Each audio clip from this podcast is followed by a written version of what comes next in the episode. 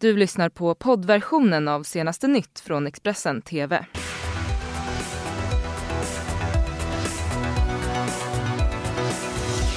God morgon, det här är senaste nytt med mig Lisa Silver och det här är våra rubriker. Panik på nattklubb i Norrköping, två män skjutna i natt. Flera döda efter skottlossning på amerikanska militärbasen Pearl Harbor. Och alternativa Nobelpriset till Greta Thunberg igår men nu kritiseras hon av tv-profilen och kallas för galen och farlig. Men vi inleder i Norrköping. Panik bröt ut eh, alltså på en nattklubb vid eh, halv två-tiden natten till idag efter en skottlossning. Två män ska vara mycket allvarligt skadade och polisen har ännu inte kunnat identifiera de här männen. Det här säger presstalspersonen Thomas Agnevik. Vittnen har berättat att de hörde fyra, fem skott och att nattklubbens rutor gick sönder. Polisen har i nuläget ingen misstänkt men rubricerar händelsen som försök till mord. Det ska nu handla om det historiska mötet igår mellan Moderaterna och eh, Sverigedemokraterna. På Facebook så berättade de båda partiledarna att de träffats eh, för att prata om invandringspolitik och gängkriminalitet bland annat. Enligt Expressens eh, Viktor Bart Kron så eh, han analyserar betydelsen av det här mötet här. Det stora med det här mötet är ju att Sverigedemokraterna kom in i riksdagen 2010 och under de första åren och egentligen fram till i år har alla andra partier i riksdagen uttalat förhållningssätt att Sverigedemokraterna är ett parti som vi inte samarbetar med och heller inte egentligen för några direkta samtal med och särskilt inte på hög nivå. I somras så blev Kristdemokraterna det första partiet som hade ett partiledarmöte med Jimmy Åkesson. Det var alltså den, den här berömda lunchen som Ebba Busch Thor hade. Nu blir Moderaterna det andra och de blir också det första stora partiet, första statsministerpartiet som sätter sig i ett direkt möte med Jimmy Åkesson. Det tog nästan tio år men nu har Sverigedemokraterna brutit sin parlamentariska isolering fullt ut får man nog säga och det är klart att det är historiskt i svensk politik. Moderaterna har insett att det inte är lönt att skjuta den här frågan framför sig. Alltså redan förra hösten 2018 så försökte Moderaterna bilda en regering eh, baserad på ett stöd från Sverigedemokraterna bland annat. Folk ser att Moderaternas parlamentariska strategi förutsätter ju stöd från Sverigedemokraterna men något sådant samarbete det ska man inte ha. I alla fall inte nu, frågan är inte aktuell. Jag tror att Moderaterna har landat i att det är bättre att få det här överstökat nu så att saken hinner eh, normaliseras i väljarnas ögon innan det blir dags för valrörelse igen. Det är alltså bättre att ta smällen nu, låta frågan avdramatiseras av tiden och sen kunna gå in i nästa valrörelse med ett mer trovärdigt budskap än vad man kanske hade förra gången. Så här, det är fortfarande väldigt otänkbart att Moderaterna skulle sätta sig i regering tillsammans med Sverigedemokraterna. Och det är heller inte något sånt som Jimmy Åkesson tidigare har pratat om. Utan jag tror att alla inblandade här har sett framför sig en moderatledd regering som har Sverigedemokraterna som ett stödparti. Såklart, Sverigedemokraterna ser ju gärna att det är ett väldigt inflytelserikt stödparti och Moderaterna hoppas väl kanske att de ska vara ett lite mindre inflytelserikt stödparti. Men det där får man väl tjafsa om i något kommande möte. Hur som helst, frågan är om inte Sverigedemokraternas tillväxt börjar bli ett problem för hela det här regeringsalternativet på ett något ironiskt sätt. För, det skulle jag nog säga, det är helt uteslutet inom en överblickbar framtid att Moderaterna skulle eh, släppa fram en sverigedemokratisk regering. Det har jag otroligt svårt att tro eh, skulle hända. Inte under den här ledningen av Moderaterna, inte under någon annan tänkbar moderatledning. Utan det här upplägget handlar om att Moderaterna och Kristdemokraterna ser framför sig att det är de som regerar och Sverigedemokraterna som stöder den regeringen och samarbetar med den. Jag tror att det är det Sverigedemokraterna har sett framför sig också. Men det är klart att höga på opinionssiffror så eh, börjar väl de kanske också fundera på att framtiden kanske ser annorlunda ut. Knappast i nästa val dock. Och vi har precis fått in beskedet att eh, de två personer som eh, sköts i samband med en skottlossning på nattklubben i Norrköping ska ha avlidit av sina skador. Då misstänker jag att polisen kommer att ändra den här brottsrubriceringen från försök till mord till misstänkt mord. Vittnen har ju då berättat att de hört fyra, fem skott inne på den här nattklubben, att eh, rutor ska ha gått sönder och panik ska ha brutit ut eh, inne på nattklubben, alltså vid halv två-tiden natten till idag efter att någon eller några öppnat eld inne på nattklubben, alltså i Norrköping. Vi fortsätter att rapportera om det här eh, under morgonen såklart och ger senaste nytt både här och på vår sajt. Vi går tillbaka till eh, politikens eh, värld. Eh, för det var ju en nöjd Jimmy Åkesson som intervjuades av Expressens Niklas Svensson igår om det här mötet som beskrivits som historiskt och som pågick i en timme. Jag har ju tjatat ganska länge om att vi borde ha ett sånt här möte men inbjudan kom från Ulf Kristersson och det var väl kanske inte jag har ju bjudit in honom ett par gånger tidigare och då har han avböjt. Och nu tänkte jag att det kanske är rimligt att man väntar tills han tycker att tiden är mogen att träffas. Så nu tyckte han det tydligen. Hur länge satt ni och pratade med varandra idag då? Eh, ja, en timme, någonting sånt där. Eh, vi hann med att, att avverka det vi tycker är allra viktigast just nu. Allt ifrån migrationspolitiken och integrationspolitiken. Energipolitiken som är högaktuell, eh, inte minst kopplat till eh, energiöverenskommelsen. Ehm, men också kriminalpolitiken såklart, där vi redan har kommit en bit på vägen i ett gemensamt arbete i riksdagshuset.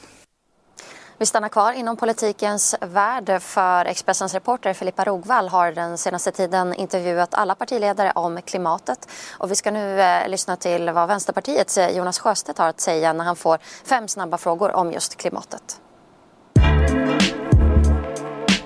Kan vi fortsätta flyga? Vi måste flyga mindre och vi måste ha bättre flygplan som släpper ut mindre.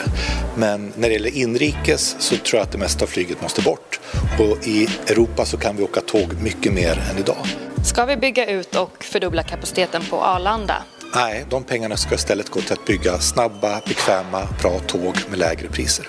Är det rätt tänkt som SSU har föreslagit att på sikt förbjuda flygtrafik mellan Sveriges tre största städer? Jag tycker vårt mål ska vara att konkurrera ut den helt och hållet. Det ska vara enklare, snabbare, billigare, bekvämare att ta tåget. Ska vi bygga höghastighetståg mellan Stockholm, Göteborg och Malmö? Ja, det är en bra idé och det är faktiskt en bra idé för hela Sverige. Att det ska vara snabbt att åka tåg. En av de största poängerna med höghastighetståg är att vi då får mer plats på den vanliga järnvägen. Mer plats för regionaltrafik och mer plats för godstrafik. Men vi är inte nöjda med att bygga snabbtåg mellan Stockholm, Göteborg och Malmö. Vi vill bygga en fungerande snabb järnväg ända upp till Luleå. Ska vi låta Preemraff bygga ut och bli Sveriges största utsläppare?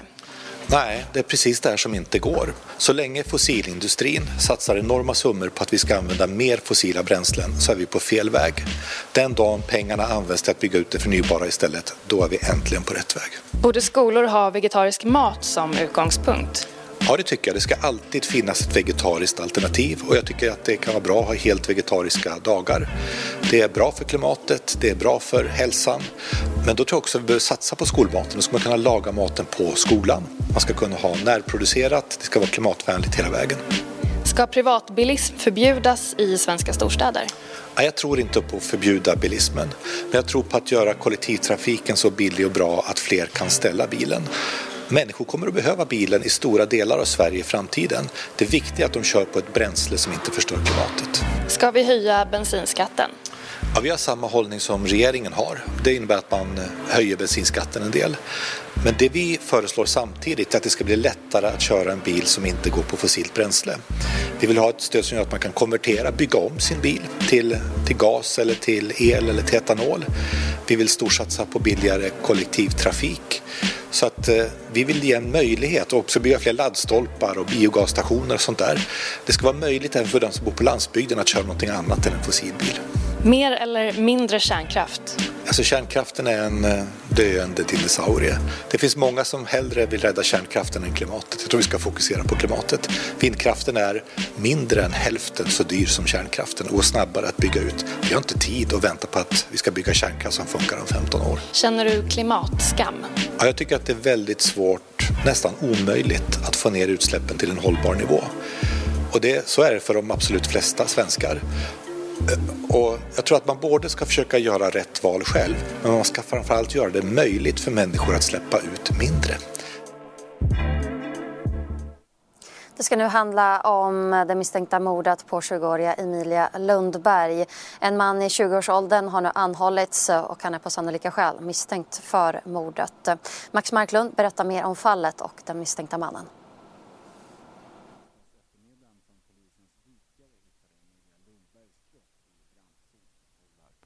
Nu står det klart att en person har gripits och anhållits misstänkt för mord. Det rör sig om sannolika skäl, vilket alltså ger den starkare misstankegraden. Han har tidigare dömts för bland annat narkotikabrott, brott mot knivlagen och ringa vapenbrott.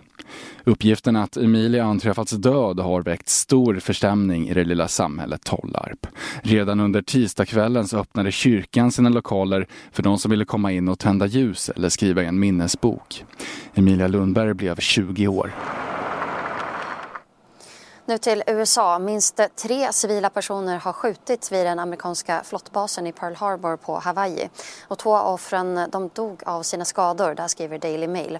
Enligt Hawaii News så sköt skytten sig själv efter dådet. Personalen på basen uppmanades via sms och högtalaranläggning att uppsöka skydd. Och minst hundra vittnen har hört om den här händelsen. Ett vittne berättar att eh, skytten hade uniform.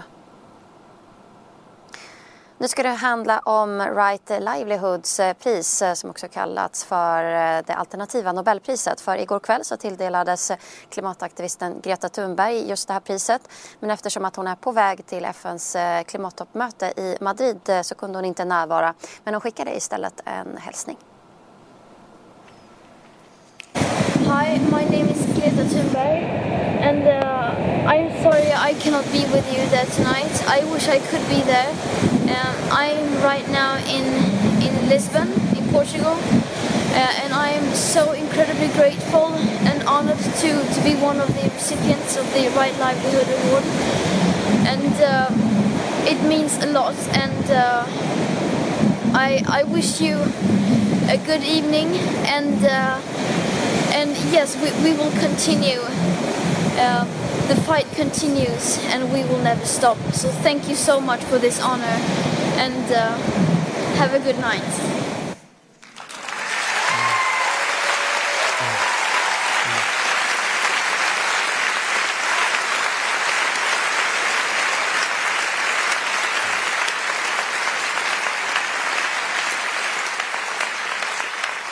And as you all know, Greta is followed by fellow youth across the whole world, probably the biggest movement we've ever seen in modern history. And uh, we have Melda and Tindra here to uh, receive the prize on behalf of Greta. So, warmest uh, congratulations on behalf of her. It's a heavy piece, but here we are.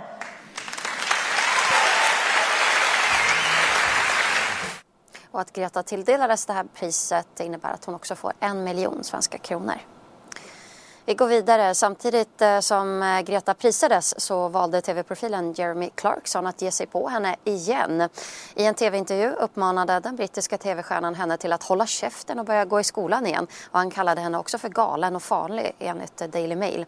Det här uttalandet gjorde den 59-åriga Clarkson i en australisk eh, tv-intervju. Bara dagar tidigare han också kallade Greta för en idiot i en intervju med tidningen The Sun. Han menar att Greta har dödat bilshowen och att eh, hon är en idiot som går runt och säger att vi alla kommer att dö för det kommer inte att lösa något menar Clarkson. När hans egen dotter Emily hyllade Greta i sociala medier så svarade hennes pappa med att Greta Thunberg borde lära sig att veta hut.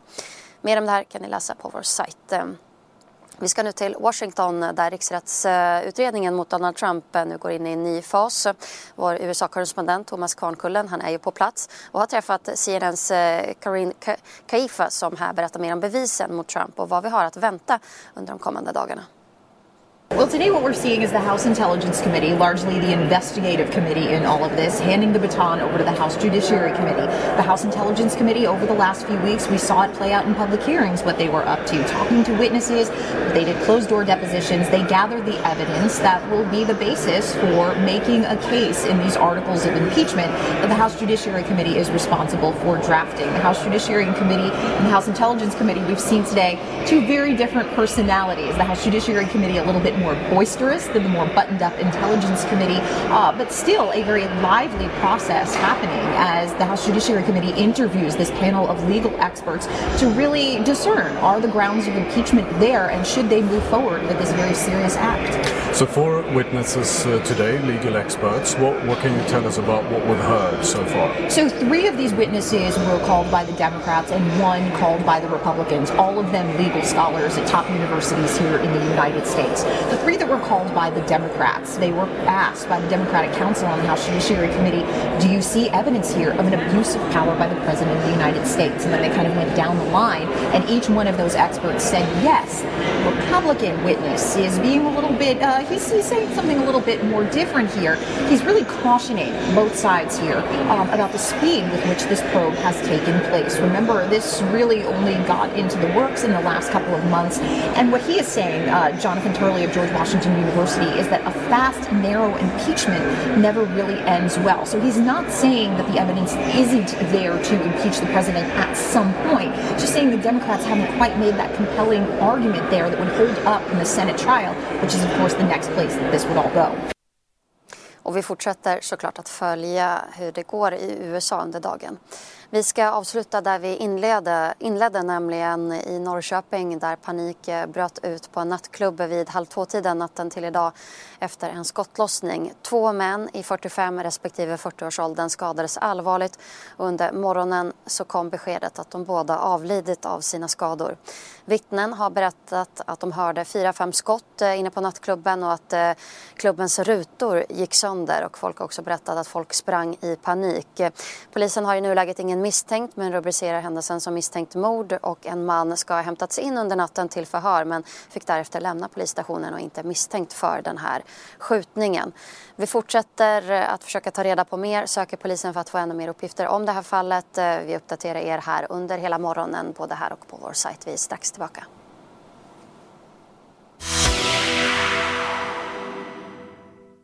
Du har lyssnat på poddversionen av senaste nytt från Expressen TV. Till förordnad ansvarig utgivare är Klas Granström. Poddtips från Podplay.